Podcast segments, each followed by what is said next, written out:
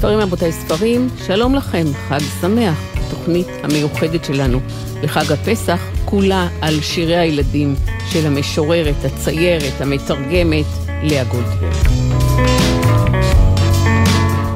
לאה גולדברג מעולם לא הייתה אימא, מעולם לא נישאה, אבל שירי הילדים וסיפורי הילדים היפהפיים שכתבה הפכו לקלאסיקה, והם מרגשים בהומור שיש בהם, בקריצה, בדקות ההבחנה, בחריזה המקסימה, במקצב.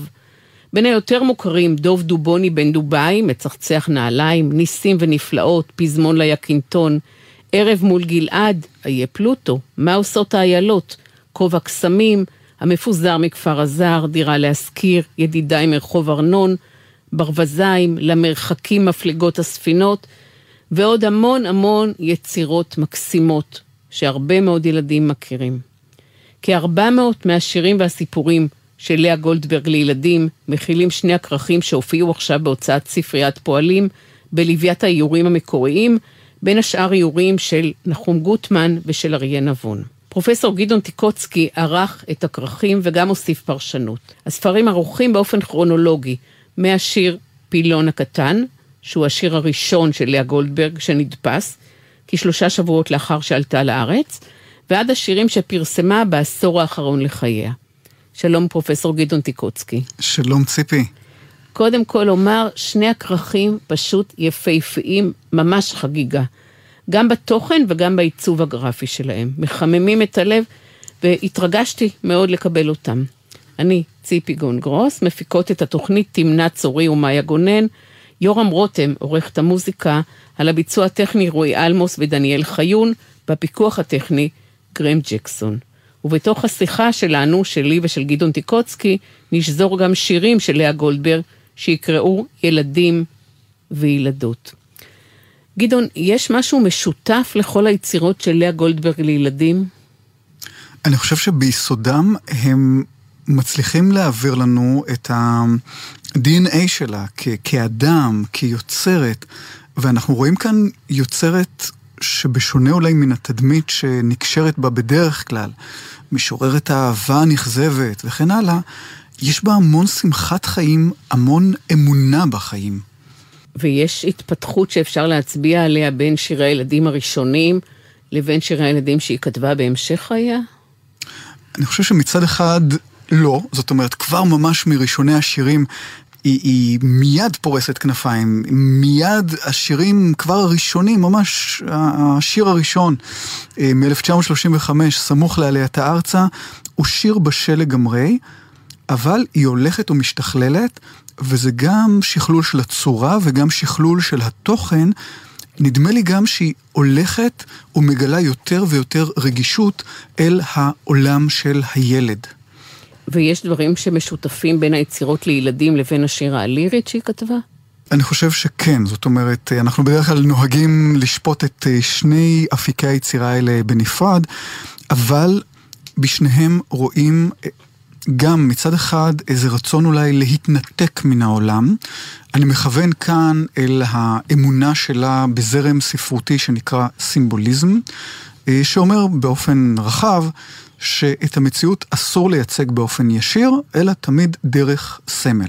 אז מצד אחד, התנתקות. מצד שני, דווקא רצון להיות בתוך החיים, לגעת במציאות, לא להתכחש גם לדברים הלא פשוטים שיש בחיים.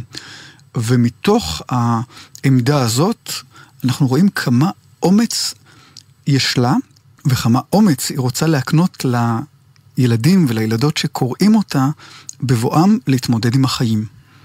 אז בואו נתחיל פשוט בשיר מולחן של האחד היפים והמוכרים ביותר, מה עושות האיילות בלילות. יהודית רביץ שרה את השיר הזה ללחן של יוני רכטר.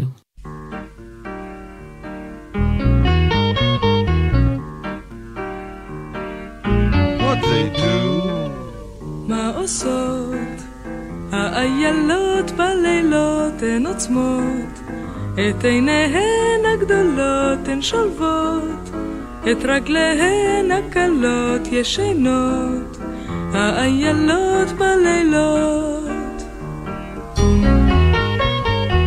מי שומר על חלומן המתוק הירח, לבן מרחוק ומביט אל תוך הגן בבצחוק ואומר בחוסבתן ומושדוק מה חולמות האיילות בלילות הן חולמות? הפילות הגדולות שיחקו איתן בג'ולי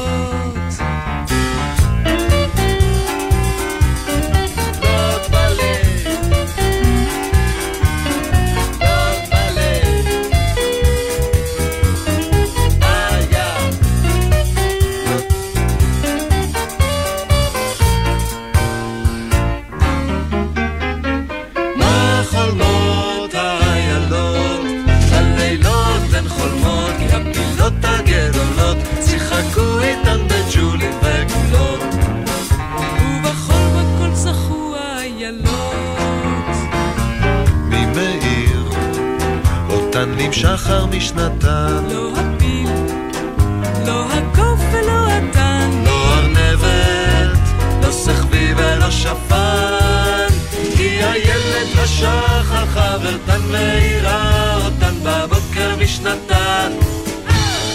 הילד השחר חברתן מאירה אותן בבוקר משנתן. הילד השחר חברתן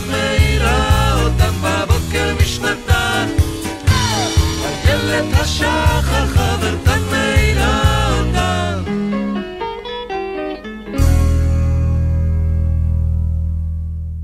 מה עושות האיילות בלילות? אז כל התוכנית שלנו היום היא שיחה עם פרופסור גדעון טיקוצקי, עם צאת שני הכרכים של כל שירי הילדים שכתבה לאה גולדברג.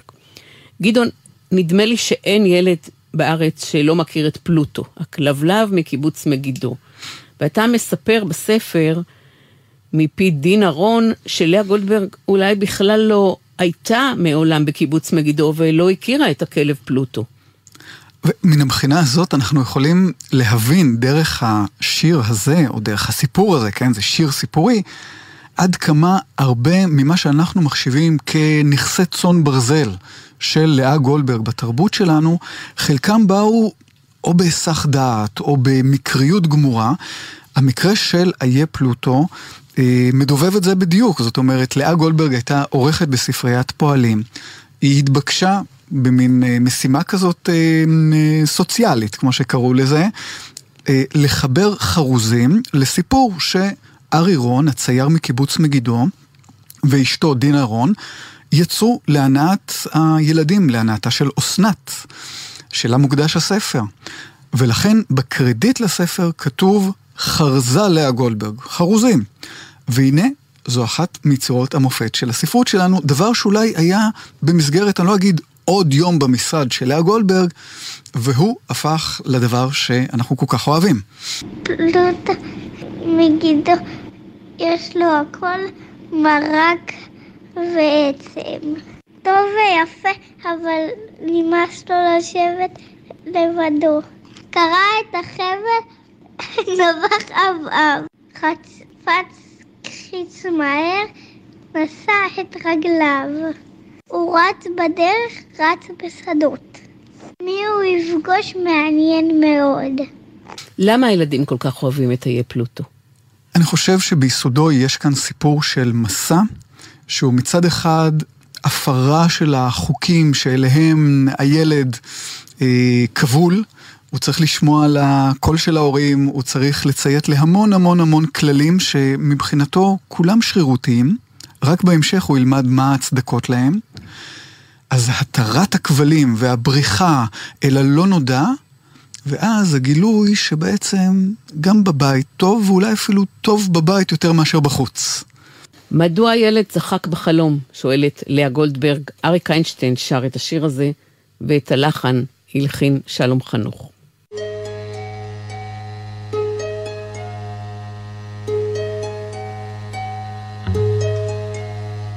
הלילה הילד צחק בחלום, מדוע הילד צחק בחלום? אולי הוא חלם שהפיל הגדול ישב ושיחק עם הילד בחלום. אולי, אולי, אולי, אולי.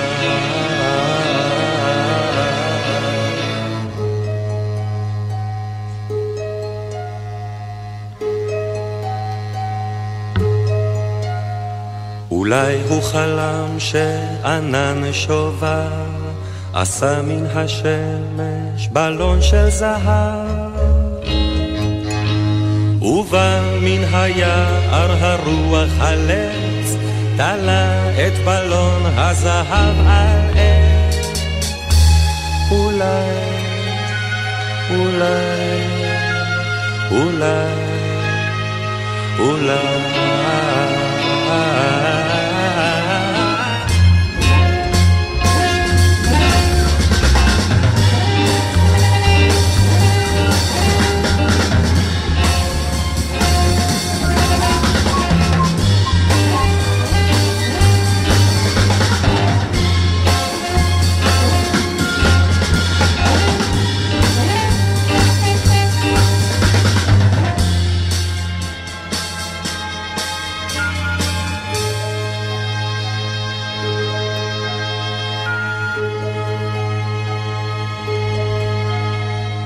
אולי הוא חלם שדובון אהרון עלה על כיסא וטיפס על ארון. ושם הוא מצא מתנה נחמדה שאמא החביאה אתמול מילדה. אולי, אולי, אולי, אולי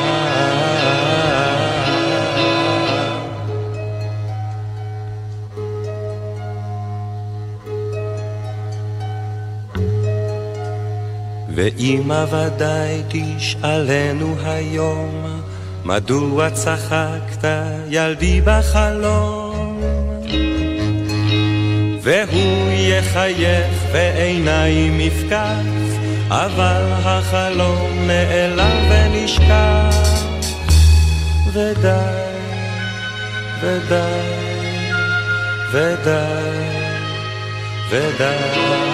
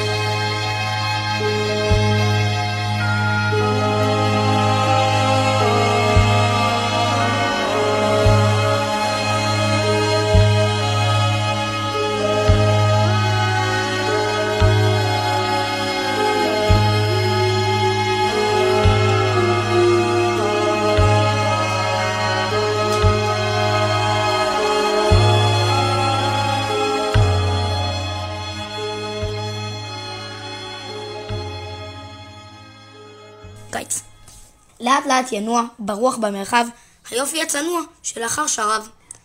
בשמש השורפת שינה הנוף פניו, שקם פרח הרקפת, ועוד לזכור עכשיו. כי עוד לפני חודשיים, בדשא הירוק, נורית יפת עיניים הסמיקה מרחוק. כי כל בקעה וגבע חרזו טללים באור, רמזו בחן הצבע.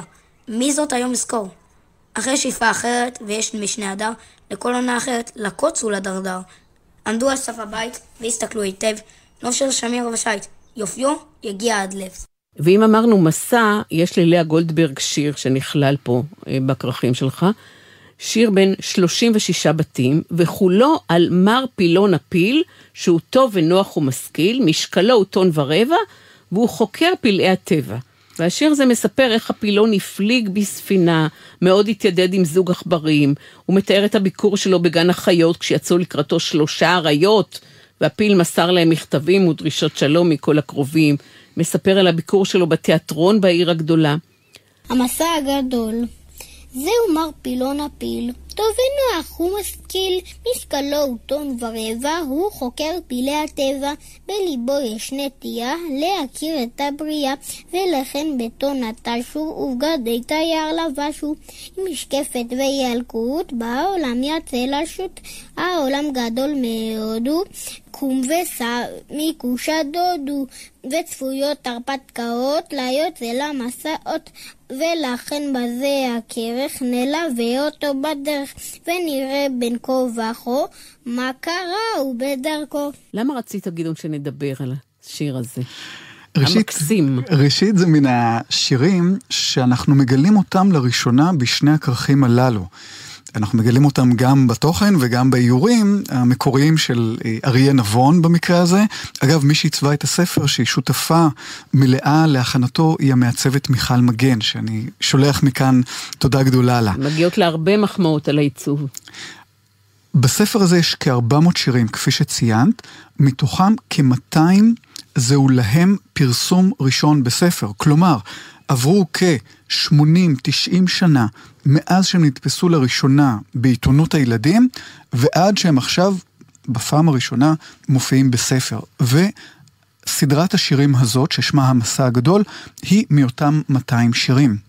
זו סדרה שמתפרסמת בסוף שנות ה-40, ולאה גולדברג פשוט חוגגת בה איזה מסע מדומיין בעולם, שהוא לצד ה...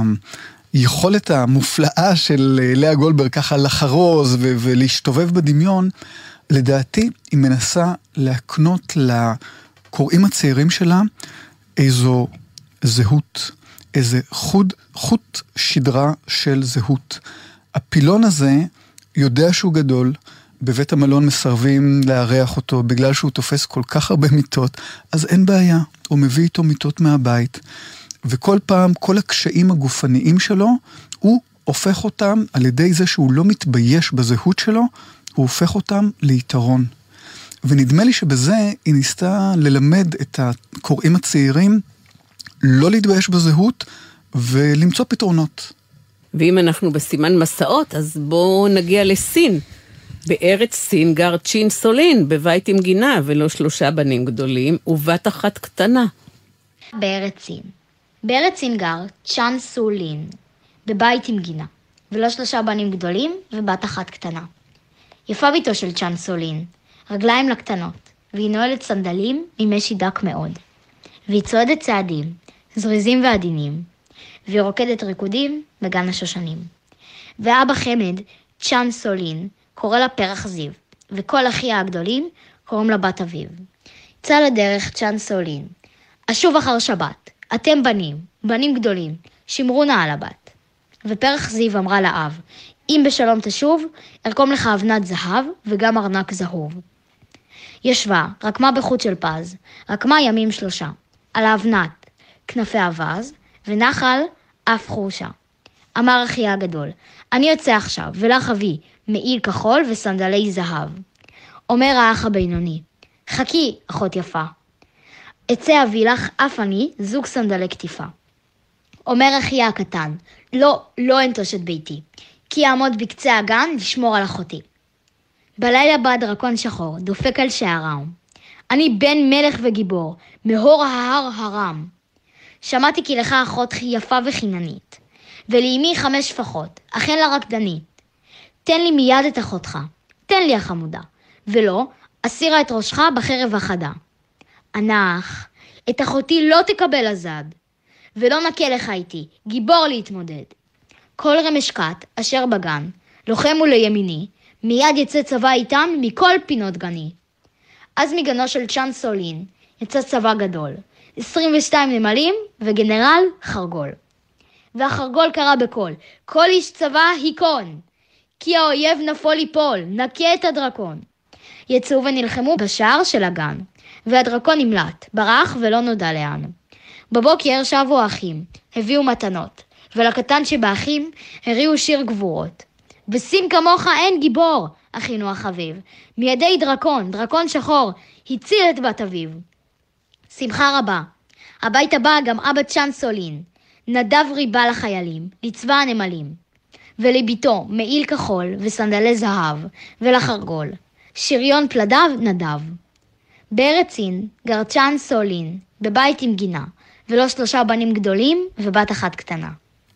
מן השירים הנפלאים אה, של לאה גולדברג, שהמהדורה הזאת שיש בה אה, אה, ציר כרונולוגי, כלומר השירים ממש מופיעים על רצף הזמן, פתאום אנחנו מבינים שהשיר הזה מתפרסם ב-1942, זמן לא רב לאחר הכיבושים של היפנים בסין, שממש כובשים ערים שלמות, ופתאום הממלכה הסינית הזאת בשיר, שנלחמת על נפשה כנגד הדרקון הנורא, אולי, אולי קשורה בעבותות הזמן.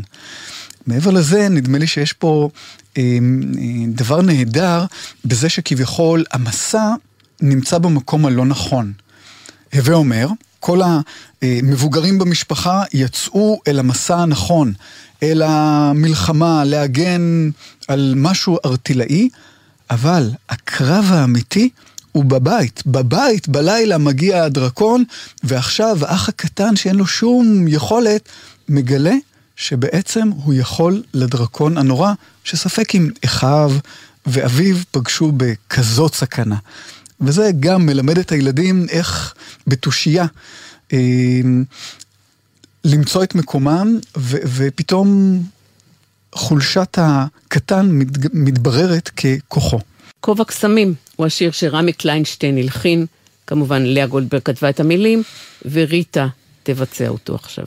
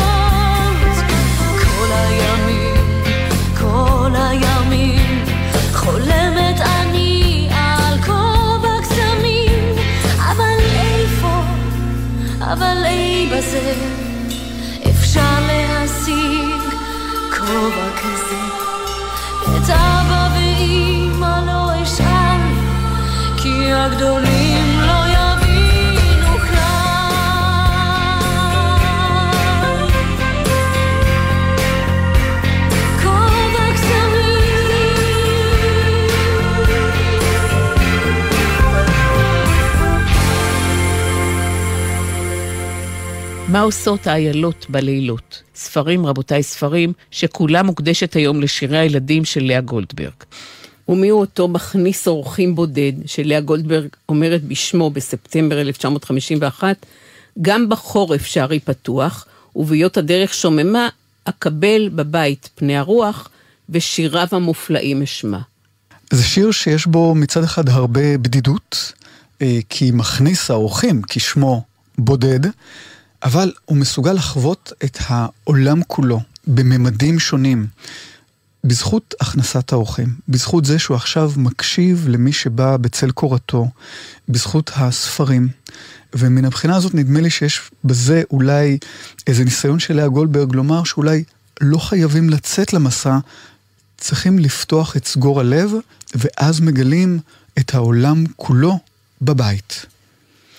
יש לה גם מסע שהיא מתארת אותו בתל אביב. דן ודינה מטיילים בתל אביב. דן ודינה מטיילים בתל אביב. איזה יום חמה זורחת אור וזוהר, ושמחה רוח באה מצחצחת דרך כביש ומרדרכה. אך הרוח נאנחת, מה רבה עוד המלאכה? עיר כזאת חמדה ונחת, וכל כך מלוכלכה. דן עומד מביט החוצה, וחושב לו אל עליון, שמה גם אני ארוץ לטפל בניקיון. דן שורק רומז לדינה, את הרמז היא הבינה, ושניהם יצאו מהר את עירנו לטהר. והנה מתגלה המראה הראשון למגרש הבנוי בין בתים הדורים. מרקים השכנים גזוסטרה וחלון, מי שופכין, פירורים ושיערים. גברת כץ למגרש כת של מים שופכת, ומר דרורי זורק חבילה מלוכלכת. והופך המגרש הגדול ערימה של גלי ניירות ומיני זוהמה. אז דינה נושאת את ראשה ואומרת, יסלח לי האדון, תסלח לי הגברת. בשביל זו ההשפעה הרבה עליכם, יש פח מיוחד בחצר שלכם. אך הפח מתאונן ואומר, אבוי לי בושה וכלימה. כשאיש אינו סוגר אותי, בזורקו זוהמה. ומה ידבר? מה אומר עוד? מסביבי הלכלוך מבייש. ויש שזורקים בי אפילו סיגריות וכולי מתלקח באש. באמת זה נורא ואיום, שפתוח אני כל היום. דן ודינה, לכו והגידו לשכנים שלכם שיקפידו. ומהספר שלך גיליתי שלאה גולדברג כתבה את השיר הזה בהזמנת המחלקה הסניטרית של תל אביב, לא פחות ולא יותר. אה, וזה גם, זה באמת משעשע. זה מן השירים המוזמנים. זאת אומרת, אנחנו רגילים לחשוב על כל גוף היצירה העצום הזה. שנכתב במשך כ-30 שנה במקביל לכל הכתיבה הקנונית, הלירית של לאה גולדברג, אה, אנחנו רגילים לחשוב על זה כשירים שהיא כתבה תמיד מתוך רצון, מתוך איזו כוונה שלה. חלקם, לא רבים, אבל ישנם, היא כתבה באמת בהזמנה.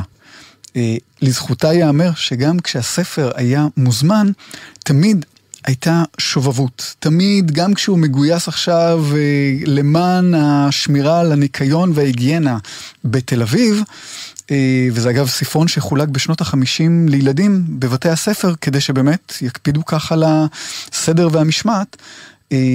גם אז תמיד יש איזו קריצה. היא אף פעם לא לגמרי דידקטית. זה מה שמציל את שיריה. היא לחלוטין לא דידקטית. יש הומור כל כך מקסים ושובבי בשירים האלה, שאני אני בעצמי, כשהתכוננתי לשיחה שלנו, קראתי אותם בקול רם, כי נהניתי מהמקצב ומהחריזה. שירי הילדים של לאה גולדברג, נשמע עכשיו את שיר הנמל. הגבעטרון שרים, רבקה לוינסון הלחינה.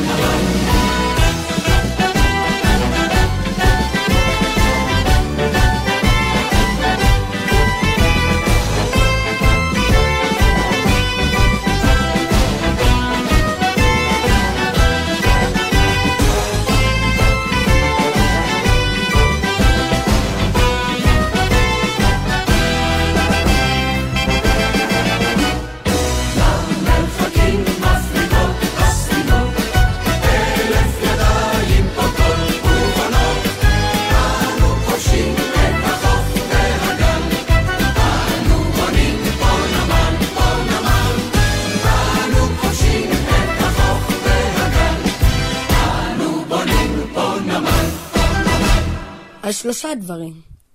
אמר הדייג היורד לים, על שלושה דברים העולם קיים, על מי הימים, על חופי היבשת, ועל דגי המצולה העולים ברשת. אמר העיקר המוביל מחרשה, עומד העולם על דברים שלושה, על אדמת השדות, על גשמי השמיים, ועל לחם מוצע בזיעת אפיים. אמר האמן בביתו הבודד, על שלושה דברים העולם עומד, על ליבו של אדם, על יופי וטבע, על ביטוי הדברים בצליל וצבע. אמר האדם הפוקח עיניו, אושרו של עולם, מה נפלא ומה רב. בוקר בוקר, נלכד בליבי כברשת. העולם ומלואו, המצולה, היבשת, ואורות וצללים, וחגים וחולין, ומילים וצלילים, ושדות שיבולים, כל צבעי הקשת. מה עושות האיילות בלילות? ספרים, רבותיי, ספרים, שכולה מוקדשת היום לשירי הילדים של לאה גולדברג. אז יש עוד שיר שהייתי רוצה שנתייחס אליו, בחלק הזה של התוכנית, לפני שנשמע עוד שיר מולחן, מעשה בצייר. הוא מדבר על הצייר שבירושלים גר, כל היום הוא עומד בחצר ומצייר. מה רבים הדברים היפים בעולם, היה רוצה לצייר את כולם. והצייר הוא משל? אני חושב שהצייר הוא במובן מסוים בבואה של לאה גולדברג עצמה. אנחנו יודעים מיצירות אחרות של לאה גולדברג, מן הפרוזה שלה בעיקר, עד כמה היא נטטה להתחפש לגבר. אה, כאשר ביצירות האלה למבוגרים, בפרוזה, בסיפורת, אז אה, לא פעם היא אותה דמות של משורר. היא אפילו כותבת עוד בנהוריה, אני לא עלמה כותבת שירים, אני משורר, והדגש הוא על הזכר. הצייר המופלא הזה חולם בלילה איזו דמות פלאית, והוא מחפש אותה בכל העולם, יוצא מביתו בירושלים, למסע שאורך שנה שלמה, שהוא מאוד מתסכל, כי הוא לא מוצא את זו שהוא חלם אותה. ולבסוף, בבית, אז הדמות שהצטיירה בציורו אומרת לו, אני בעצם אמיתית בדיוק כמו מה שדמיינת. וזה איזה מין מוסר השכל, הייתי אומר, עד כמה האומנות חזקה יותר מן החיים. ברשותך אני אקרא את סיום היצירה, וכשבא בחזרה הביתה, הכיר את עיניה ושמע את קולה דובר. הלא אתה יצרתני, הלא אני חלומך. ובאת ומצאתני, כי אני מחכה לך. מה חשוב שאני מצוירת? הסתכל בעיניי, הלא שם, ממש כבפני כל אחרת, חיים סודות העולם. הצייר יושב בבית, ברחוב העץ העקום, ומן החלון שבבית הוא רואה את חן המקום, וכל שעיניו תראינה, מעתה חי וקיים. כל דמות שישנה או איננה בתמונה, היא ישנה עד עולם. ואם אני זוכרת נכון מתוך הקריאה, אתה גם מתייחס בספר לרחוב אמיתי, שהוא רחוב העץ העקום. כך על פי uh, סברה, שאני לא יודע עד כמה היא uh, סברת קרס או סברה מוצקה, uh, שאולי העץ העקום, רחוב העץ העקום, רומז לרחוב עקום, אה, כך כונתה סמטת החבשים, רחוב אתיופיה דהיום. אה, עקום, כמובן עובדי כוכבים ומזלות, זה היה הרחוב שבו גר אליעזר בן יהודה בשעתו, שנתפס כעובד אלילים, לא עלינו. אנשים ונופים. ומי שיש לו עיניים פקוחות, רואה יום יום מאה דברים נפלאים, לפחות. ובירושלים גר צייר. כל היום הוא עומד בחצר ומצייר. מה רבים הדברים היפים בעולם, היה רוצה לצייר את כולם. הוא גר בבית קטן וישן ברחוב העץ העקום, והערים מסביב הוא פנס מול הגן, שמאיר לו את חן המקום. הצייר מצייר עצים וגנים ושמי עננים ויונים, וקורה שבבוקר הוא קם ומתאר חלום שחלם. ואומרים לו אנשי העיר, איך ציירת? הלא זה קביר. את הכל אפשר להכיר. זה חמור, וזו תרנגולת. איך הכרתי? על פי הקרבולת.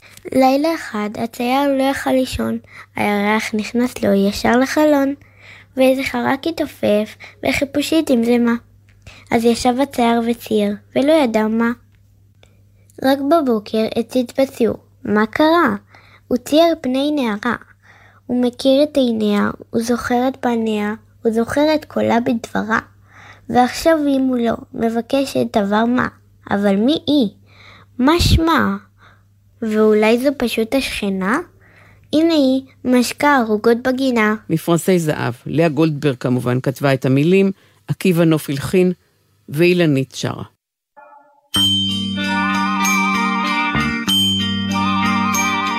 כל זה היה, היו היה, לפני הרבה שנים. בים הפליגה אונייה, ולשלושה תרנים, שלושה תרנים לאונייה, ומפרסי זהב, ועל סיפון האונייה טווס יפה זנב.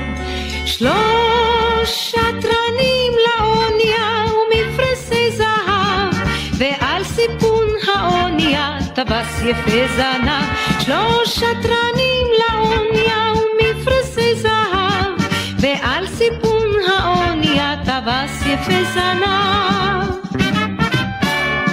והטווס הדור מאוד ועל זנבו כתובים גם מזמורים גם אגדות בשפת הכוכבים ומלאכים ודייגים במעגל גדול ממזמוריו מתמוגגים שרים אותו בקול שלושה תרנים לאונייה ועל סיפון האונייה טווס יפה זנב. שלושה תרנים לאונייה ומפרשי זהב ועל סיפון האונייה טווס יפה זנב. שלושה תרנים לאונייה ומפרסי זהב ועל סיפון האונייה טווס יפה זנב. שלושה תרנים לאונייה ומפרסי זהב ועל סיפון האונייה טווס יפה זנב ואי אפשר לדבר עליה גולדברג בלי לשמוע את פזמון ליקינטון, אחד השירים היפים ביותר, שירי הארס המקסימים שבנותיי שרו לנכדיי, וכל אימא כמעט שרה לילדיה. קרולינה תשאיר עכשיו את פזמון ליקינטון, ועל הלחן אחראית רבקה גבילי. לילה לילה מסתכלת הלבנה בפרחים אשר נצו בגינה בציצי היקינטון בגננו הכתום לילה לילה מסתכלת הלבנה ואומרת הלבנה לענני תנו טיפה ועוד טיפונת לגנים שיפרח היקינטון בגננו הכתום. כך אומרת הלבנה לעננים. בא הגשם וצלצל בחלוני, שר ניגון עליז לפרח בגני, וענה יקינטון בשמחה ובששון. למטר אשר צלצל בחלוני. לה לה לה לה לה לה la la la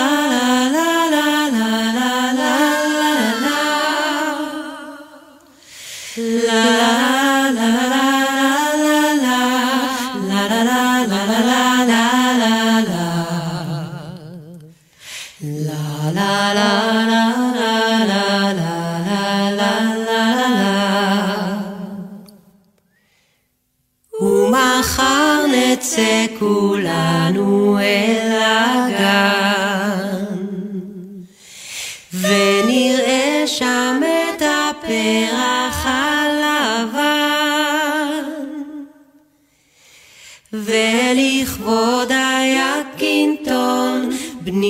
ישיר את הפזמון. ושמחה גדולה מאוד תהיה בגן. קוראים לי אדם גולן גרץ ואני בן 11 מהרצליה. ציפורים נדות. הרכס הר נחים צללים ורוח קל נישא.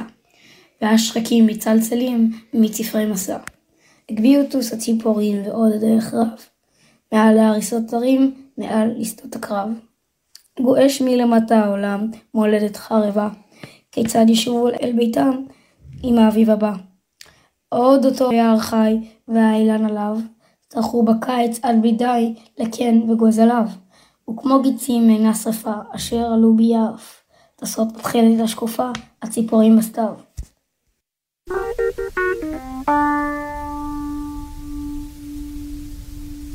Ah. ah.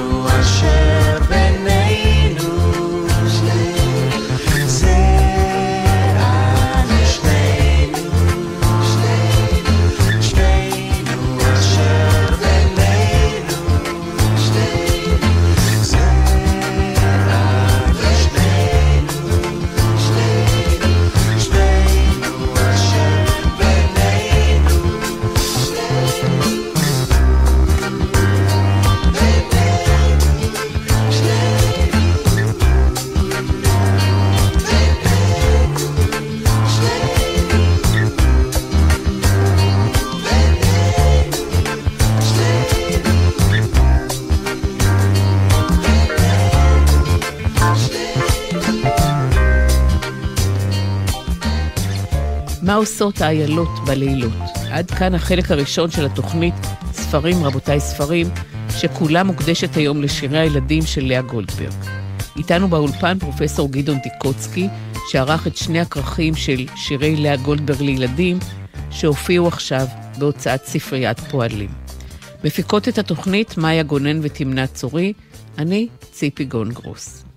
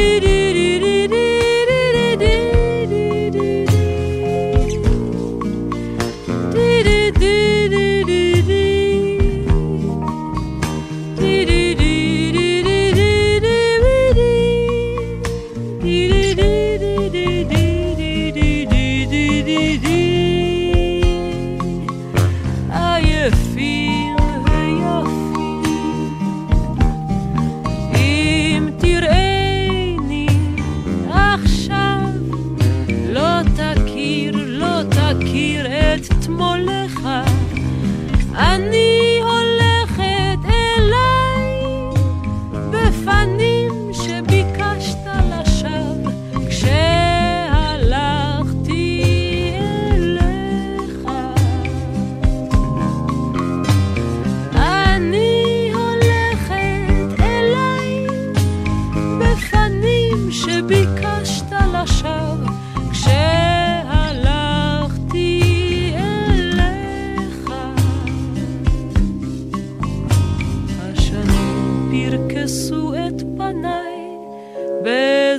בזיכרון אהבות וענדו לראשי חוטי כסף קלים.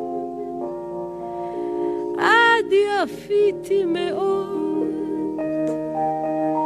בעיניי נשקפים הנופים ודרכים שעברתי אישרו צעדיי. עייפים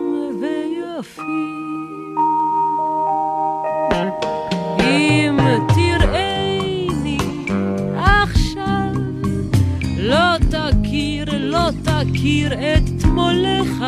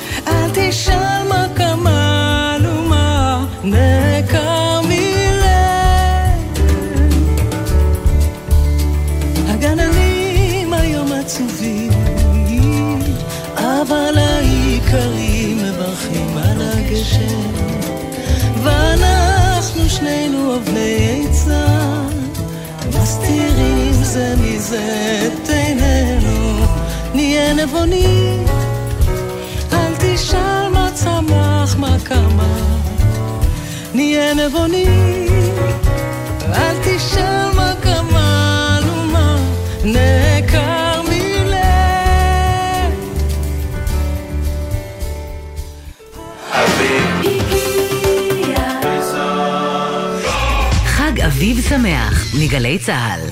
אופ, אני רעבה. מתי כבר מגיעים? מתי יוצרים לארטיק? אני צריך לשירותים! איפה קבעת איתם? מוכר לכם. בנסיעה עם המשפחה, מתכננים מראש את מסלול הנסיעה ואת נקודות העצירה רחוק מהכביש, למפגש עם שאר החבר'ה, להתרעננות ולשירותים. זכרו, לא עוצרים בשולי הדרך, אלא במצב חירום שאינו מאפשר את המשך הנסיעה. עוד עצות לנסיעה משפחתית בטוחה, חפשו בגוגל אסק רלב"ד.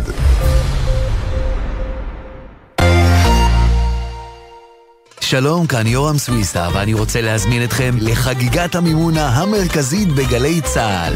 עם מוזיקה טובה, אומנים, פוליטיקאים, מופלטות ו... חוגגים מימונה עם יורם סוויסה, הערב בשמונה, גלי צה"ל. עם מי הייתם רוצים לשבת לקפה? קפה כזה של שבת בבוקר. ברגע של נחת, שאפשר לדבר על הכל. נורית קנטי מזמינה אתכם להצטרף אליה בכל שבת ב-8 בבוקר לשיחה אישית עם דמויות מפתח בחברה הישראלית. שמונה לקפה עם נורית קנטי, שבת, 8 בבוקר, גלי צה"ל. מיד אחרי החדשות, ציפי גונגרוס.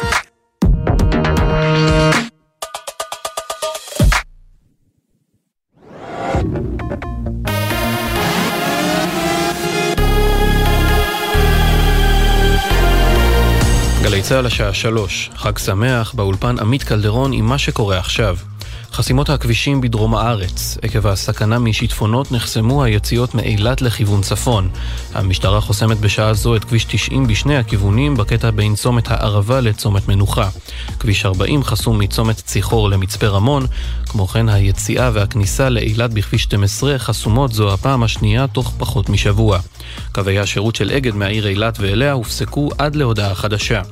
כתבתנו לענייני תחבורה הילי קרן מזכירה שציבור הנהגים מתבקש להישמע להנחיות ולא להגיע לאזורי השיטפונות.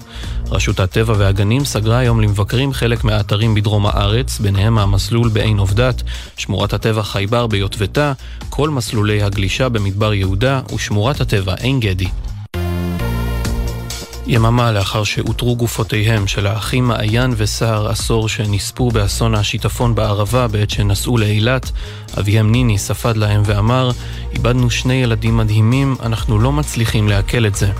בשיחה עם גלי צה"ל הוסיף ניני, מעיין וסער היו הילדים הכי טובים בעולם, אני אזכור אותם לעד. זה גורל אכזר מבחינתנו, אבל זה הגורל והחיים ממשיכים. כתבנו בצפון הדר גיציס מוסר כי טרם נמסר מועד הלוויית האחים, אשר צפויה להיערך בבית העלמין בטבריה. חידוש היחסים בין ריאד לטהרן, משלחת של נציגי משרד החוץ האיראני נחתה היום בסעודיה כדי להכשיר את הקרקע לפתיחתה מחדש של שגרירות איראן בממלכה. שני הצדדים הודיעו כי עם חילופי השגרירים יפתחו האיראנים קונסוליה בעיר הנמל הסעודי ג'דה. ביקור המשלחת האיראנית הוא תוצאת פגישתם של שרי החוץ משני הצדדים בשבוע שעבר בבייג'ינג בירת סין. באותה פגישה הוחלט גם לחדש את קו הטיסות ביניהן. בתוך כך, סעודיה תארח מחרתיים פסגה ערבית מצומצמת לדיון בשאלת קבלת סוריה לליגה הערבית 12 שנה לאחר שסולקה ממנה במחאה על התנהלות המשטר במלחמה הפנימית. כתבנו לענייני ערבים ג'קי חוגי מציין כי על פי כל הסימנים אסד אכן יוזמן לוועידה בפעם הראשונה מאז הסילוק בשנת 2011. בצרפת, גל שביתות יחל מחר בנמלי התעופה וצפוי לגרום לעיכובים וביטולים של מאות טיסות. זאת במחאה על שינוי גיל הפרישה לצורך תשלומי הפנסיה. בנוסף, צפויים שיבושים בתחבורה הציבורית המקומית. כתבתנו לענייני תעופה עינב קרנר מציינת שטיסות מישראל לצרפת ובחזרה עשויות להתעכב ואף להתבטל, ומומלץ לציבור הטסים לבדוק את מועדי הטיסה טרם ההגעה לנמלי התעופה. משרד הבריאות מזהיר מפני רחצה בחופי הים של תל אביב, בת ים והרצליה בעקבות זרימת מי ביוב שעלו על גדותיהם ממערכות האיסוף של איגוד ערים דן בגלל הגשמים הכבדים.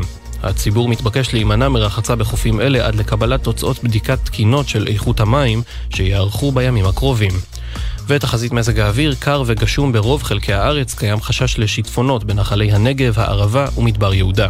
מחר לקראת הצהריים יתמעטו הגשמים והם יתרכזו בעיקר בצפון ובמרכז. אלה החדשות, שעורך יובל לנדאו.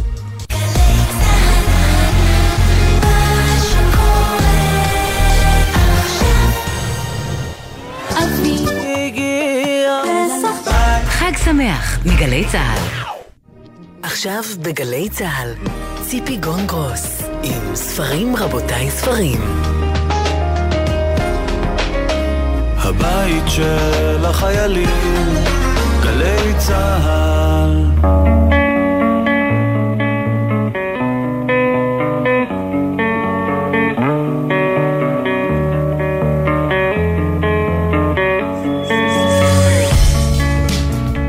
מה עושות האיילות בלילות? ספרים רבותיי, ספרים, לאה גולדברג, שירי ילדים. אנחנו בחלק השני של התוכנית, ואיתנו באולפן פרופסור גדעון טיקוצקי, שערך את שני הכרכים של שירי לאה גולדברג לילדים, שני כרכים יפהפיים שהופיעו ממש עכשיו. שוב שלום גדעון. שלום שלום. לאה גולדברג פרסמה ביולי 1948 שיר שנקרא הקוקייה. בבית סבתי היו היה אורלוגין עתיק עם קוקייה. אלו המילים שפותחות את השיר. הקוקייה. בבית סבתי היו היה אורלוגין עתיק עם קוקייה. חדר גבוה תקרה וכבד רהיטים. על מזנון את העלון ארבעה פמוטים. הכתלים מכוסים רפודים דהים. חלונות ננסים וילאות כבדים. על שידה בפינה את תתעלו, ובתוך אורלוגין קוקייה כבכלום. בארון הספרים הכריכות שתקו, ושעה שעה נשמע קול קוקו. ושעה שעה הציפור השבויה מתיבת השעון פלטה קריאה. לי נדמה עד נשמע אותו קול קוקו, בצעים ירוקים ילדים ישחקו. וחלפו שנים, הרבה שנים, וגדלו הנכדים, וזקנו הבנים. ובית סבתי נהרס מזמן, נעקרו העטים שבתוך הגן. האמנם אי בזה, עוד נשמעת קריאה, מתיבת אורלוגין, כל קריאת קוקייה? אפשר לקרוא את השיר קוקייה קריאה אוטוביוגרפית? אני חושב שכן, זאת אומרת שאולי באחת הפעמים הנדירות בכתיבתה של לאה גולדברג יש הרהור לא רק על הבית שנותר מאחור. אחד מספרי השירה שלה למבוגרים נקרא מביתי הישן, והוא פותח בשורות מביתי הישן לא נותר אלא זכר כמיהה עמומה. אז לא רק הזכר של הבית הישן, אלא גם אולי דיבור על הקיום היהודי שנותר מאחור וברובו לא שרד. ופתאום דווקא בשיר ילדים, אולי הודות למרחב המוגן שמאפשר את הכתיבה לילדים, זה מאפשר ללאה גולדברג לגעת ב- ב- בחומרי הנפש האלה, ב- בדברים הכל כך רגישים הללו, שהיא כמעט לא ממללת אותם במקומות אחרים בכתיבתה. בואו עננים, שיואל ולבה הלחין.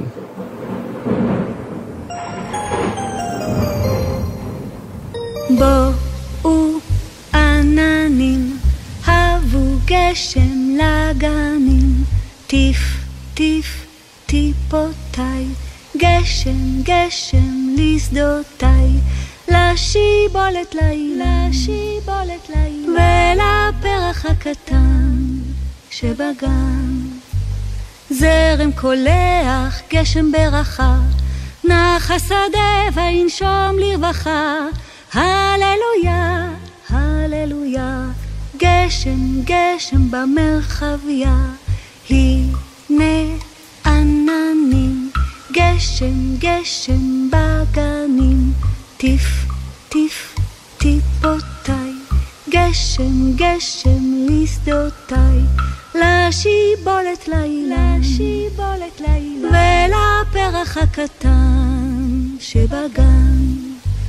רד נא ממעל מרגליות, שמש צוחקת בשלוליות, הללויה, הללויה, גשם, גשם במרחביה, הנה עננים, גשם, גשם בגנים, טיף, טיף, טיפותיי, גשם, גשם לשדותיי, לשיבולת לילה, לשיבולת לילה, ולפרח הקטן שבגן. תשת כל צמרת, ישת כל גבעול, יען העמק, יען בקול, הללויה, הללויה, גשם, גשם, גשם בקול, הנה עננים, גשם, גשם בגנים, טיף, טיף, טיפותיי, גשם, גשם לשדותיי.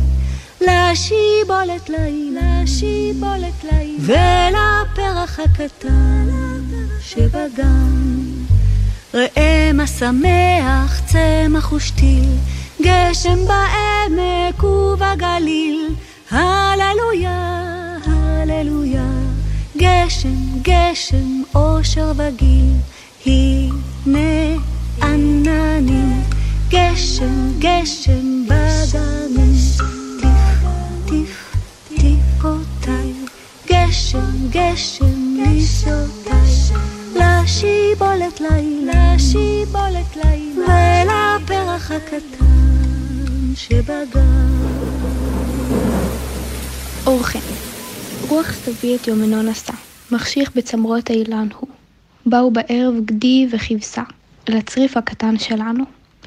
באו, פעו בקול בוכים, כשני תינוקות בשער. פתחו את הדלת, הכניסו אורחים, זאב מטייל ביער. יצא אליהם אחי הקטן, הכניסם אל הבית פנימה.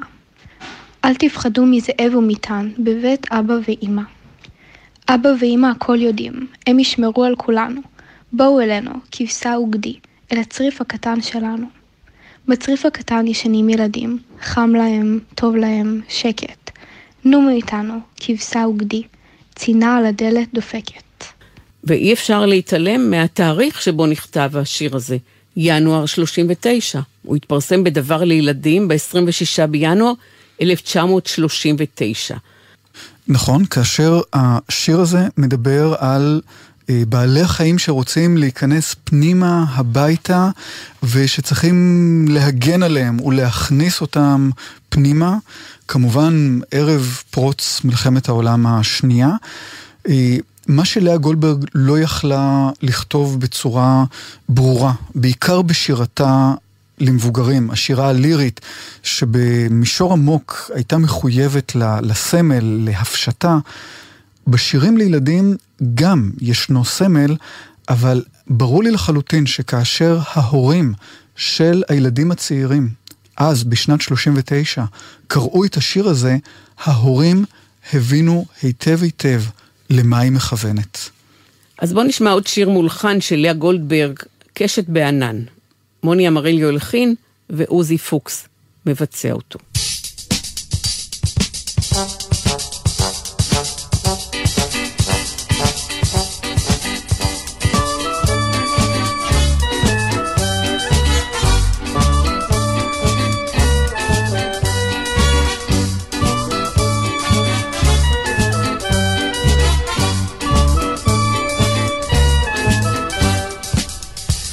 בשמיים ראיתי קשת, היא עמדה ממש מול הרחוב, ורציתי אליה לגשת, ולראות אותה מקרוב. התחלתי ללכת, ללכת, ועליתי על ראש הגבעה. אך ככל שהרחקתי ללכת, הקשת לא קרבה. אופי אופי יפת כנפיים, אופי אופי אל המרום, אל הקשת שבשמיים, ומסרי לה ברכת שלום.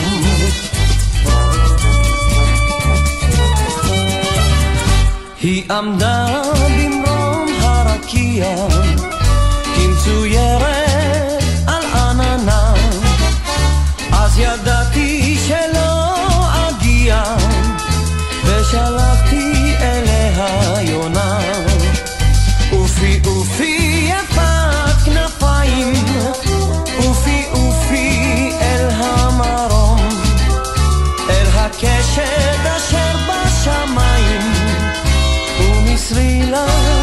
ברכת שלום. אופי אופי יפת כנפיים, אופי אופי אל המרום, אל הקשת אשר בשמיים, ומסרי לה ברכת שלום.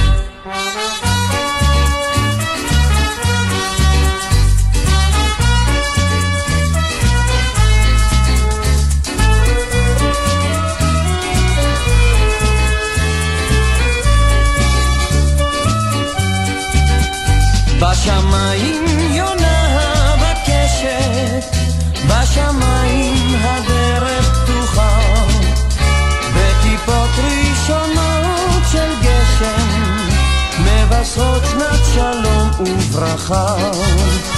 אופי אופי יפת כנפיים, אופי אופי אל המרום, אל הקשת אשר בשמיים. ומסרי לה ברכת שלום. אופי אופי יפת כנפיים, אופי אופי אל המרום, אל הקשת אשר בשמיים, ומסרי לה ברכת שלום. ומסרי לה ברכת שלום. ומסרי לה ברכת שלום.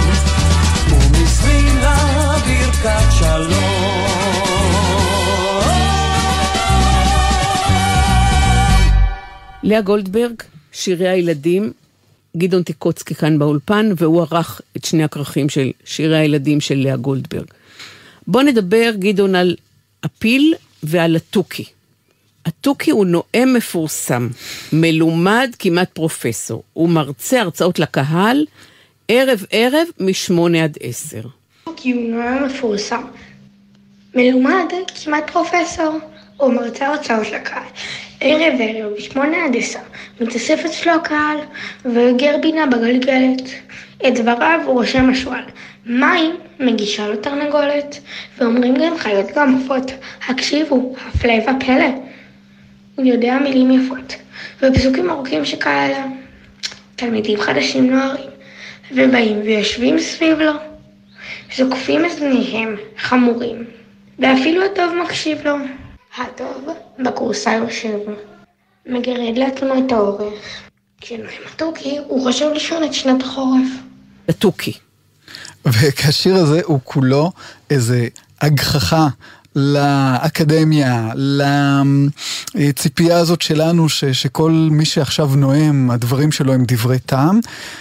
אנחנו צריכים לזכור שכותבת את השיר הזה לאה גולדברג, שסיימה דוקטורט בנושא מאוד מורכב, בלשנות של השפות השמיות, ומי שלימים, היא לא ידעה כשהיא כתבה את השיר, אבל זמן לא רב אחרי שהוא פורסם, היא תתמנה בעצמה למרצה באוניברסיטה העברית, ולימים תהיה גם היא פרופסור. אבל המבט הזה שלה, הרענן, המשוחרר מכל מחויבות לממסד, זה איזה דבר פשוט משובב נפש, ו- ולכן היא אף פעם לא נופלת באיזו משבצת שאנחנו רוצים לשים אותה. היא תמיד גם במשבצת, אבל גם ליד. היא תמיד גם וגם. ואחרי התוכי נתייחס לפילי הקטן, לשיר הראשון שלאה גולדברג פרסמה, והוא אומר, פילי הקטן לא נולד בהודו, אף לא באפריקה כמו אחיו הגדולים. אני אגלה לכם, כי סוד הוא, הוא נולד בבית חרושת לפילים. יש לו עין זכוכית ואוזן רכה וחותמו ארוך, כמו אצבעה של אמא. את זנבו היטב הידקתי בסיכה, לבל ליפול אחורנית או קדימה. פילים חיים הוא לא ראה בכלל, ועל זה מצטער הוא מאוד. אך אני הבטחתי לו שכששנינו נגדל, לקחתו בספינה אל הודו. שם יפגוש את אחיו ויגיד בלי בושת, שלום לכם, אחיי הגדולים. אך פוחדת אני שבבית החרושת שכחו ללמדו את שפת הפילים. כותבת העולה החדשה בת ה-24, אפילו לא 24, בעברית מושלמת, שהיא כמובן למדה עוד בליטא, בגולה, אה, ושהיא גם כתובה לגמרי לפי הכללים של הדור השירי של לאה גולדברג היא אחת המהפכניות שלו. הדור של אלתרמן, של שלונסקי, אה, אכריזה לגמרי מודרניסטית, כפי שהיא נקראת. והשיר מבחינת התוכן מקפל בתוכו שני עניינים שאני חושב שהם מאוד מהותיים ללאה גולדברג. האחד, ההבדל בין המציאות לבין הדמיון, ואיזו אמונה יוקדת שלה שהדמיון יש לו תוקף לא פחות חזק מאשר המציאות. ולכן לחלום יש את המקום שלו, וגם לפיל צעצוע יש קיום כמו אחיו הגדולים. זה עניין אחד. עניין שני הוא המתח בין כאן לבין שם.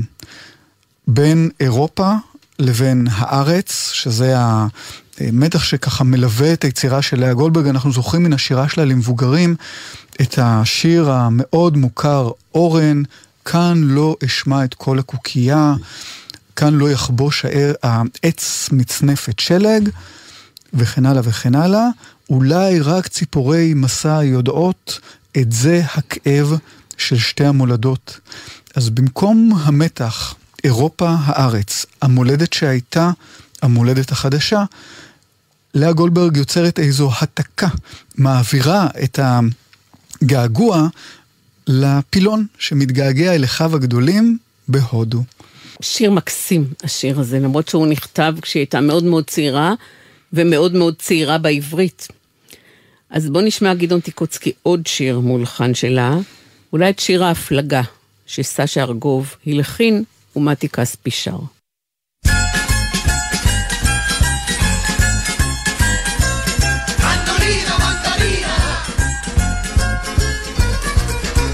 היה, היה, היה לפני הרבה שנים, בים הפליגה אונייה בין השלושה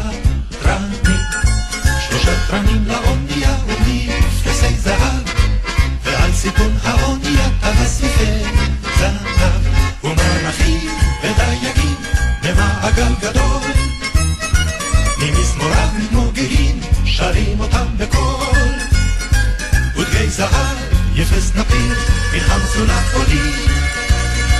לשמוע אגדה ושיר על נדנדת גלים.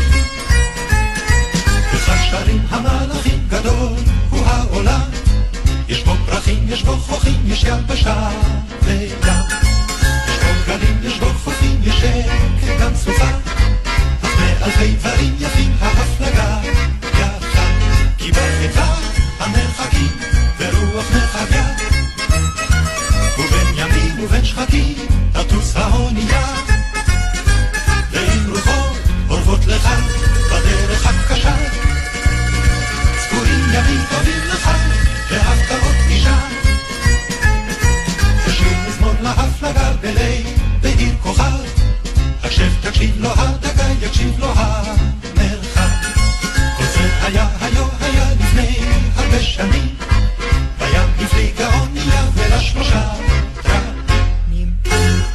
עושות האיילות בלילות?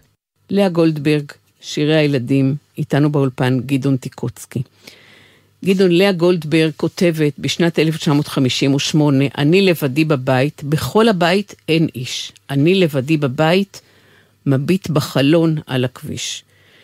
ולעניות דעתי יש כאן נקודת השקה בין השיר הזה לבין שירה שלה למבוגרים. למשל, באהבתה של תרזה דימון היא כותבת, בדידותי נגעה בבדידותך.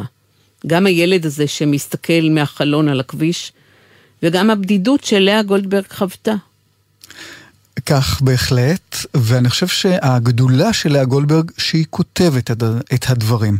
כלומר, החוויה היא חוויה, והחוויה גם של הלבדיות של הילד, גם של הבדידות של המשוררת נאמר, היא אה, כואבת, אבל ברגע שכותבים על החוויה, א', כבר לא נמצאים בתוכה בהכרח, וב', בעצם היכולת לדבר על הכאב כבר נמצאים באיזה מקום יותר אנליטי, שהוא פחות נורא מאשר בלב הכאב.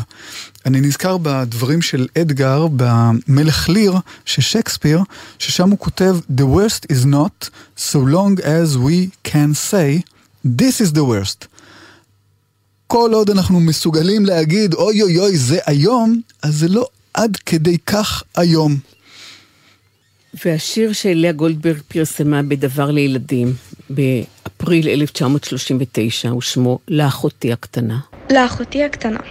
אחותי הקטנה, את יוצאת מן הבית. על גבעה ירוקה את עולה לשחק. את רואה את הים המכחיל עד אפסיים. את רואה אוניות על האופק הרחק. ויראנו יפתה, ובתיה הלבינו, וניחוח הדשא עולה מן הגיא, מה גבוה הברוש בגנו של אחינו, מנה העולם בראשית חודש מאי. באילן מלבלב, הציפור מנטרת, והשמש ברום מסבירה לפנים. ובבית יד אמא רזה וחיוורת, ועיניה כהות למקרא עיתונים. אחותי הקטנה, את שותקת כמוני, ועינייך חושבות, העולם הגדול, יש בו שמש וזמר ורשע ועוני, וגבו של אדם הכפוף מן העול. ואולי לך סופר והוגד כי נשבענו, לשחרר את הארץ מרשע ודם. כי ליבנו כבד, אך תמיד האמנו, כי נשיב לעולם את צחוקו של אדם. ויבואו לילות, וימים יעריבו, ושנה ארוכה תצטרף אל שנה. ואילן ילבלב, ושדותינו יזהיבו, ותגדל ותחכם אחותי הקטנה. והקרב ייגמר ונצא מן הבית, על גבעה נעלה ונשקיף אל הגיא. ונראה את הים המכחיל עד אפסיים. מה ישמח האדם בראשית חודש מאי. אני חושב שבשיר הזה רואים ראשית הזדהות מאוד נוגעת ללב של לאה גולדברג עם דמות של ילדה. ויש בזה משהו כל כך כל כך יפה. הילדה הזאת ספק מבינה, ספק לא מבינה מה מתחולל בעולם, ועם כל ההבנה הילדית שלה, אנחנו יודעים שילדים תופסים, גם אם הם לא יודעים למלל את הדברים, הם מרגישים. היא לא יודעת בדיוק מה קורה, היא מרגישה שיש משהו, ועם זה יש לה האופטימיות לחוש שבכל זאת הדברים עוד יהיו טובים. השיר הזה, לפי מועד הפרסום וגם דברים שנאמרים בשיר, גורם לנו להבין שאולי הוא פורסם לכבוד האחד במאי.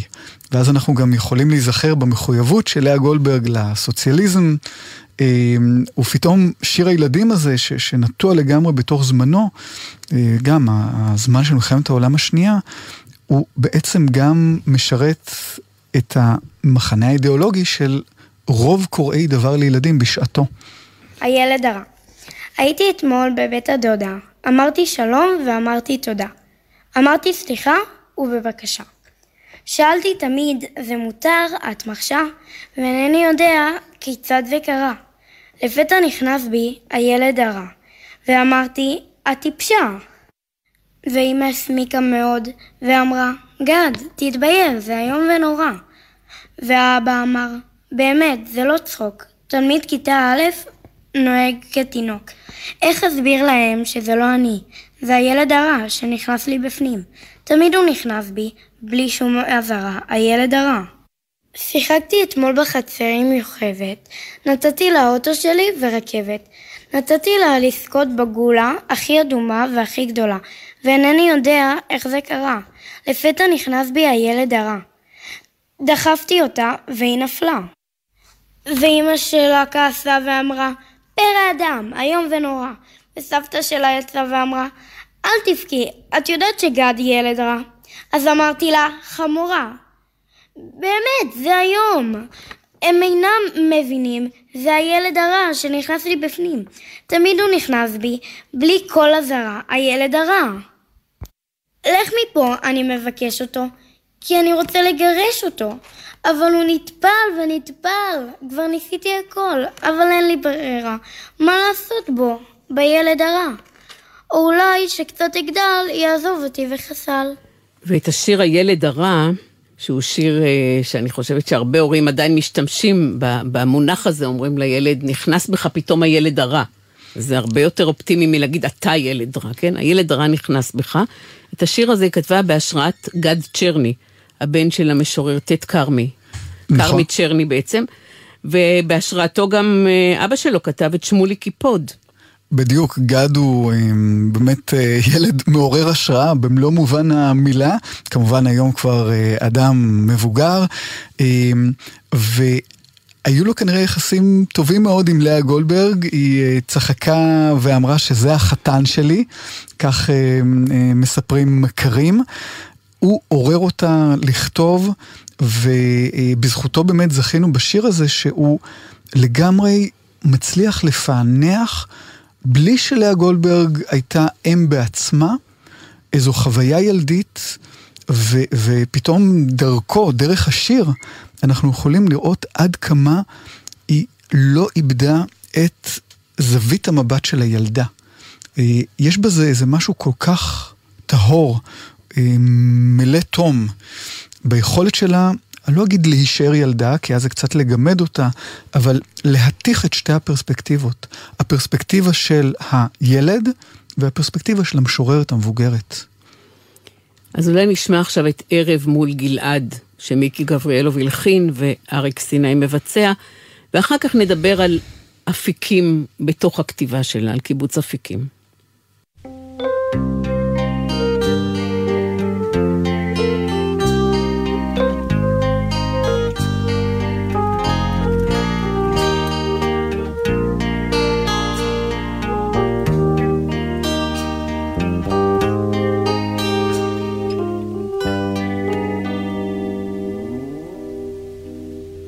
האילנות כל כך כבדים, כופף הפרי את הבדים, זו השעה המרגיעה, בה נרדמים הילדים, אל הבקעה מן הגלעד, טל שחור ורך ירד, כבשה פועה, בוכה בדיר, זה בנה הכת אשר עבד. ישות הלל חיק האם, ישכב בדיר וירדם, והכבשה תשק אותו, והיא תקרא אותו בשם. נסתר הליל בין הבתים, והנביא הגלעדי יורד דומם אל הבקעה, לחזות בשנת הילדים. ישות הלל חיק האם, ישכב בדיר וירדם, והכבשה תשק אותו, והיא תקרא אותו בשם. ערב מול גלעד, אריק סיני שר ומיקי גבריאלוב הלחין, לאה גולדברג כתבה את המילים. אנחנו משוחחים עם פרופסור גדעון טיקוצקי על שירי הילדים של לאה גולדברג. גדעון את השיר על הדשא הקדישה לילדי קיבוץ אפיקים. בחיוך היא ככה רומזת בו לאספת החברים בקיבוץ.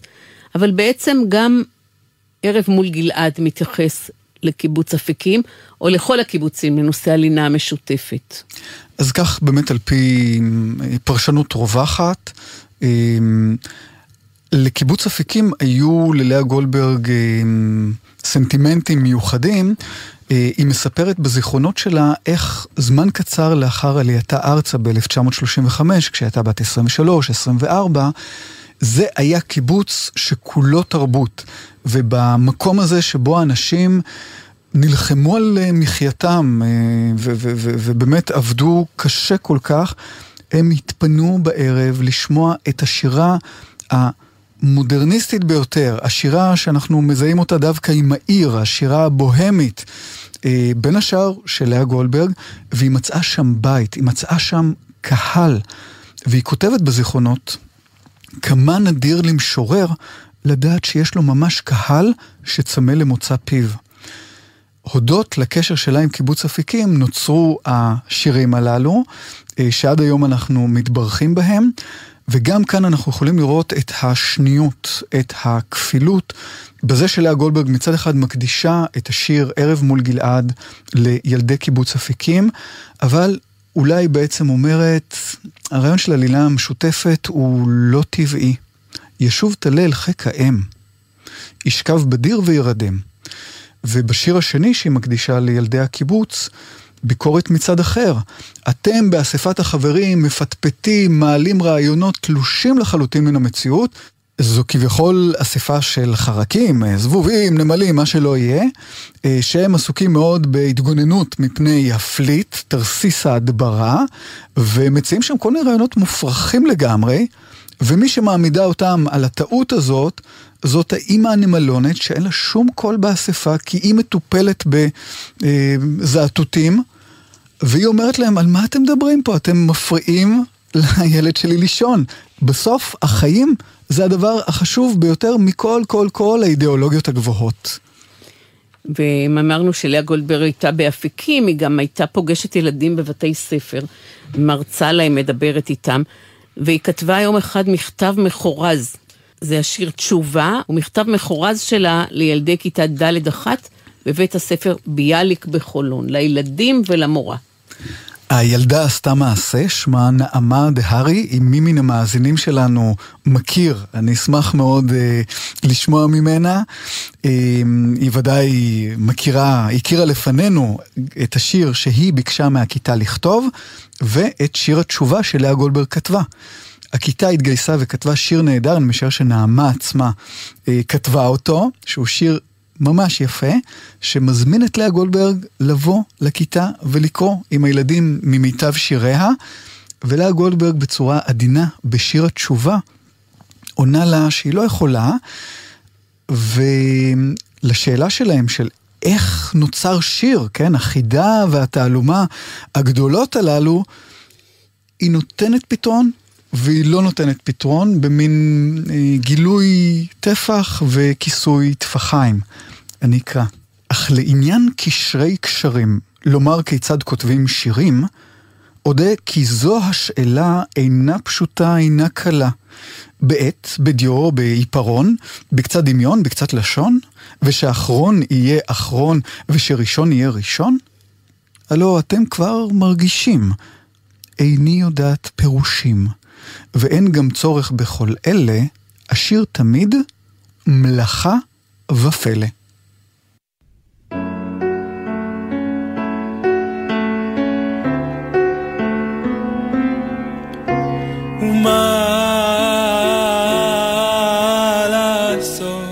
בסוסים במאה העשרים ובאיילות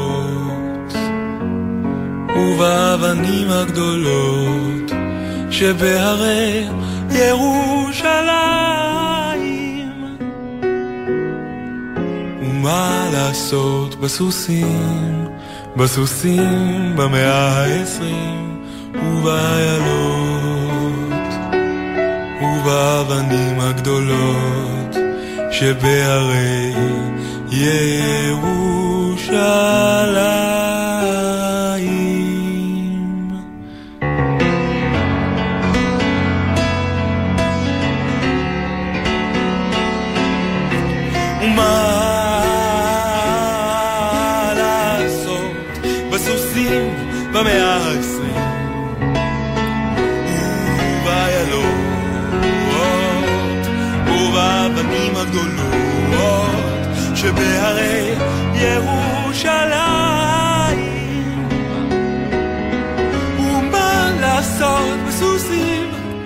בסוסים במאה העשרים ובאיילון ובאבנים הגדולות שבהרי ירושלים.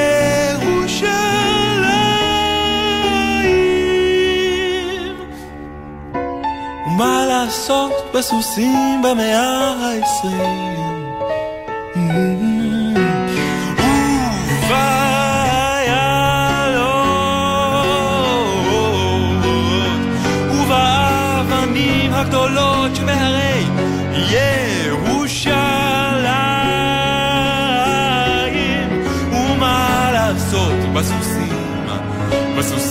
במאה העשרים מה לעשות? בסוסים, בסוסים במאה העשרים. מה לעשות, מה לעשות, מה לעשות, מה לעשות, מה לעשות, מה לעשות? שלא עשו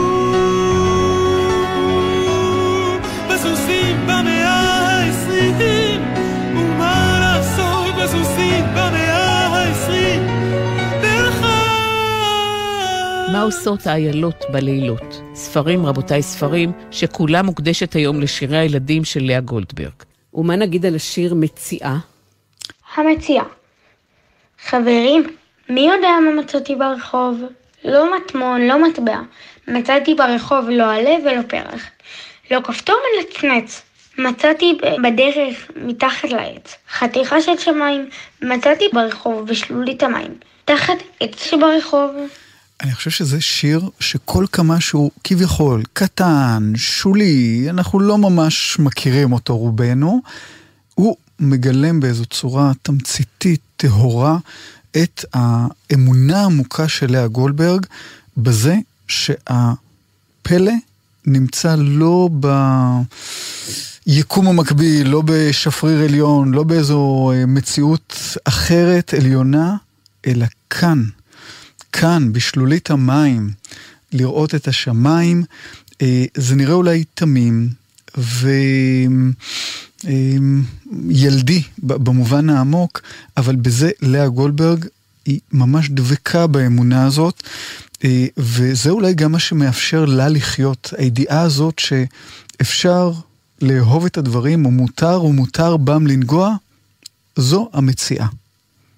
ואחד השירים שהכי אהבתי מתוך הספר הזה נקרא עושה הלהטים.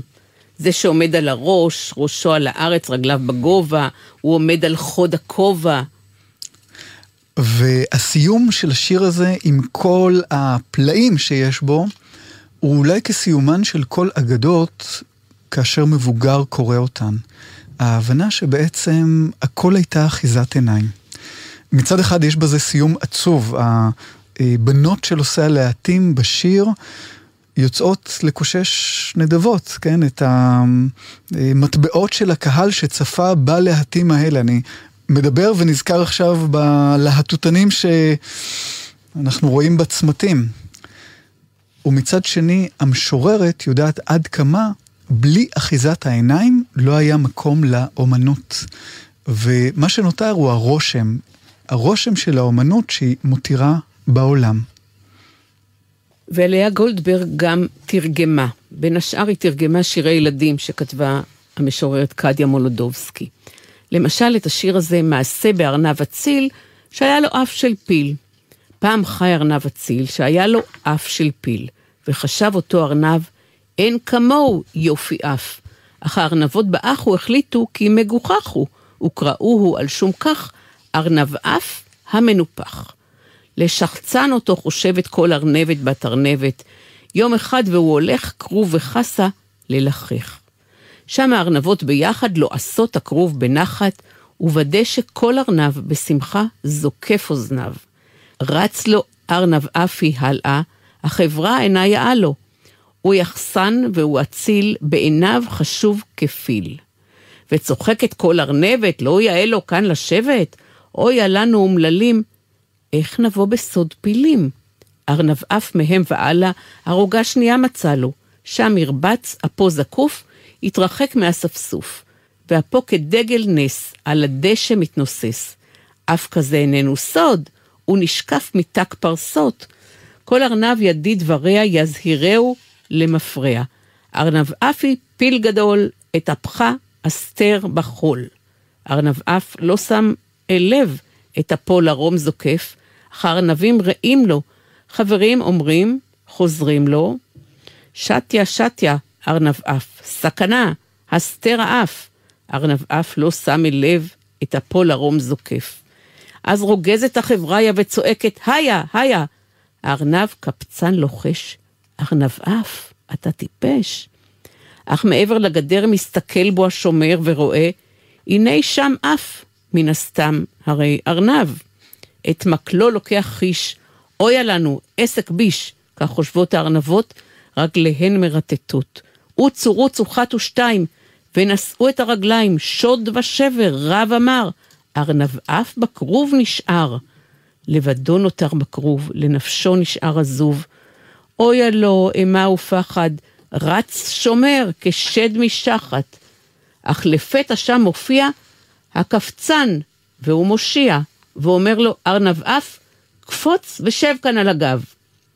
אחוזי אימה ופחד, הם אצים רצים ביחד, ארנב אף על גב קפצן, ויוצאים מתוך הגן. חיש ירוצו בלי לנוח, אזנבות נעים ברוח, והצילו את נפשם. ראו כי סיפורנו תם. כי ניצל אפו של פיל, שיר הלל לכל מציל. אני חושב שבעצם העובדה שקדיה מולודובסקי, המשוררת היידית, שישבה אז בארצות הברית, תורגמה לעברית, הייתה חתרנות, הייתה אה, העזה, וזה נקשר להעזה שיש בשיר גופו, בעצם הערעור על הסדר החברתי, בעצם זה שעכשיו מישהו שמתחזה למשהו אחר, לא יעבור. ולאה גולדברג שותפה לאלתרמן וליוצרים נוספים שמתרגמים את שירי קדיה מולודובסקי לעברית. בספר הנודע פיתחו את השער, שהוא בהרבה מאוד מובנים המחווה שלהם לתרבות שהם השאירו מאחור בגולה, במזרח אירופה, בשעה שאפשר היה בדיעבד לחבק את התרבות הזאת, לצערנו הרב, רק לאחר השואה.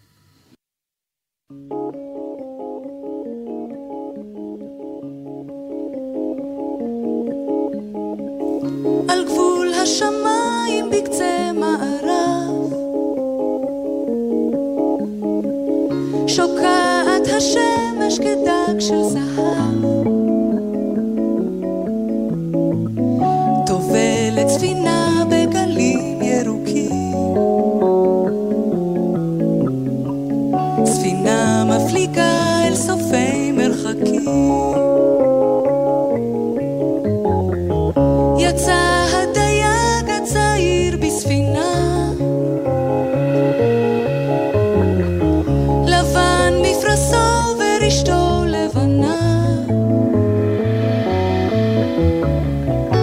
יצא הדייג הצעיר למרחב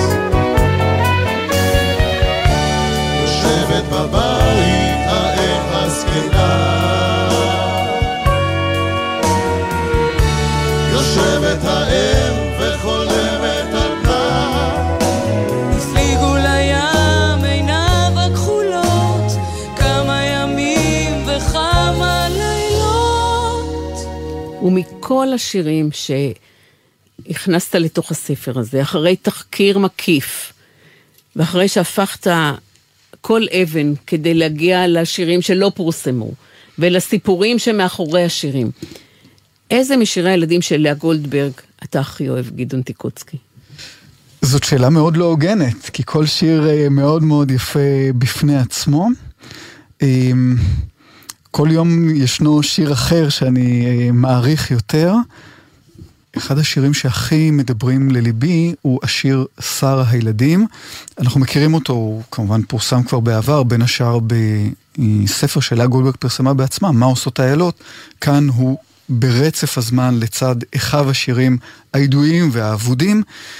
והשיר הזה ממש ממחיש בעיניי עד כמה לאה גולדברג רוצה לחזק את הילדים הקוראים, את הילדות הקוראות, ובמידה שהיא מחזקת כך היא עצמה מתחזקת.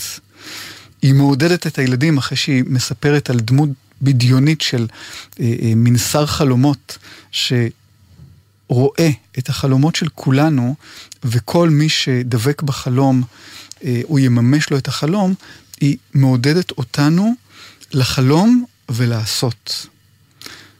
ועומד לו הקוסם דום ומסתכל, ובפנקסו רושם את חלום הלל.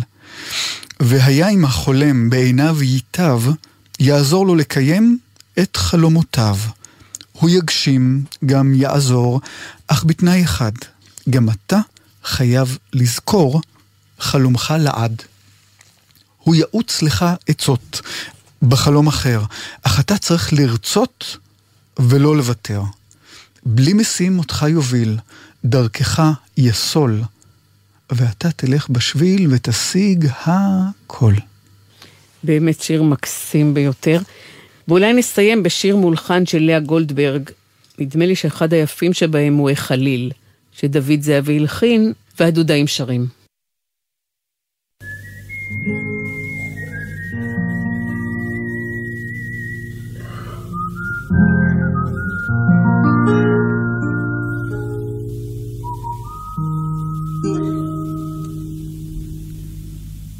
והליל הוא פשוט ועדין בקולו כמו קול של הלב.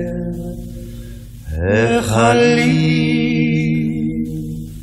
כשכשוך הפלגים, כשכשוך הפלגים, כמו שיר ילדים, כמו שיר ילדים,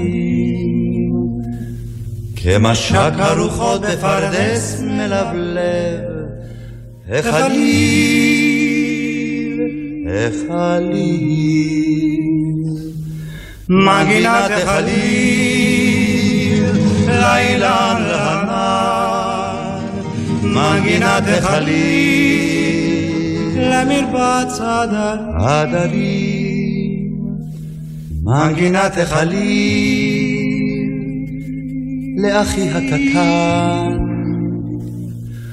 מנגינת החליל להרים להרים, החליל, המקשיב לא יודע, המקשיב לא יודע, ידו היטב, הוא יאיר את הדמי, הוא יאיר את הדמי, הוא ירון לו בצלי, הוא ירון לו בצלי. כמשק הרוחות בפרדס מלבלב, החליל,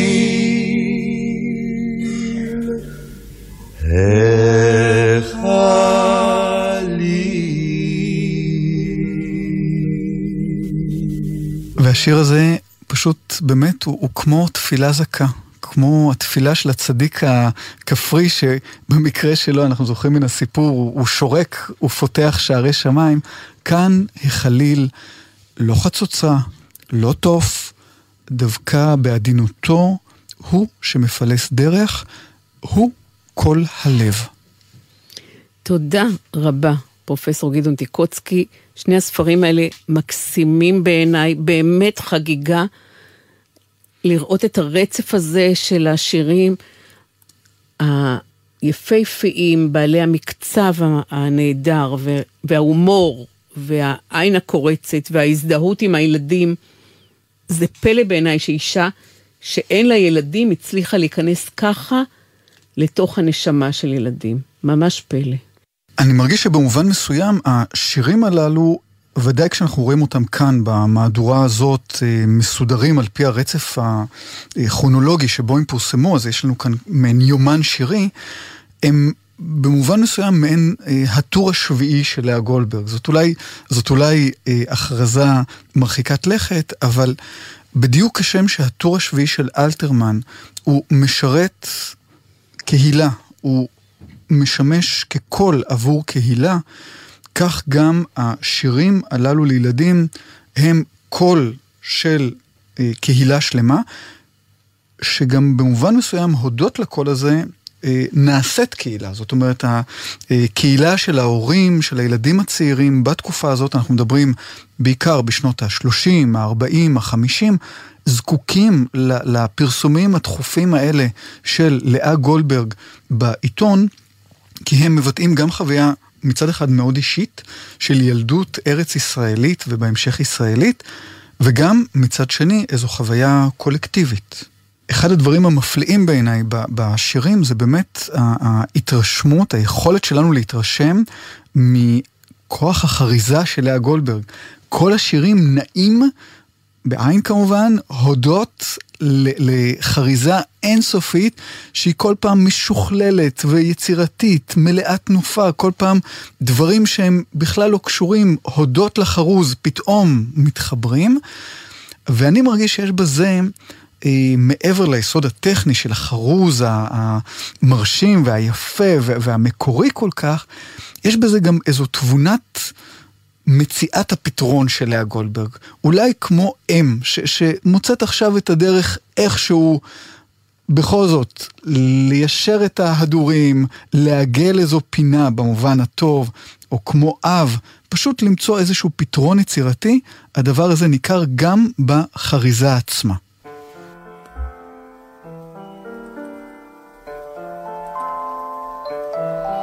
וים, שכפים ישבו לנו. מה עושות האיילות בלילות? תוכנית מיוחדת של ספרים, רבותיי ספרים, לרגל הופעת שני הכרכים, לאה גולדברג, כל שירי הילדים, בהוצאת ספריית פועלים. שוחחנו על לאה גולדברג והכתיבה שלה לילדים עם עורך הספר, פרופסור גדעון טיקוצקי, קראו עופרי גל, נועה גרוס, אלה ברגר, ענת ואסף עברה, עמית שקד, שיילי חיון, מיקה שחר, אדם גונן גרץ, גב ואור שרשבסקי.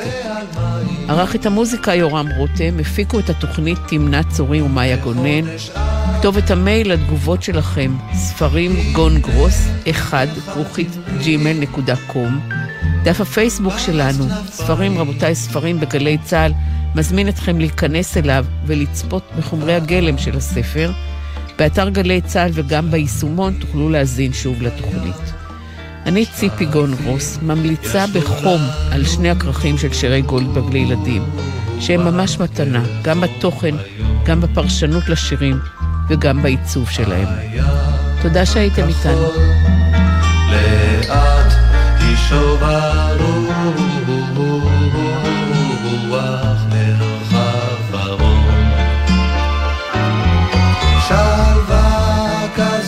סלע ועל מים. בחודש אב הנה אחד אמרי פרס כנפיים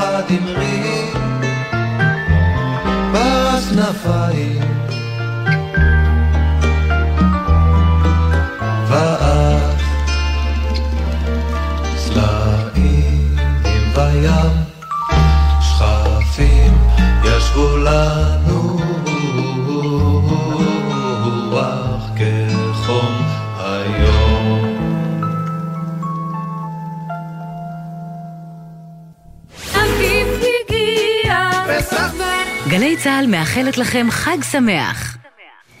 אבא, המכונית עוד רחוקה? ממש לא. עוד שעה של הליכה בסך הכל. רגע, אולי נקצר דרך השדה? אבא, רגע. אם השדה מגודר ויש עליו סימן משולש ושלט צהוב, זה שדה מוקשים. בישראל, יותר מ-100 אלף דונמים של שדות מוקשים ושטחים החשודים במיקוש. הרשות לפינוי מוקשים במשרד הביטחון ממשיכה לפנות את שדות המוקשים ברחבי הארץ. גדרות הנושאות סימן משולש ושלט צהוב לא חוצים. בחג הזה, מטיילים בטוח. התחיל. אבא, תגיד לו שיחזיר לי את זה. משעמם לי. מתי כבר מגיעים? הוא לקח לי. מוכר לכם? בזמן הנסיעה עם המשפחה, מתכננים את מסלול הנסיעה מראש, וגם את מקומות העצירה רחוק מהכביש, ומארגנים מראש עיסוקים לילדים למהלך הנסיעה. ספרים, משחקים, חטיפים ושתייה. עוד עצות לנסיעה משפחתית בטוחה, חפשו בגוגל אסקרלבד.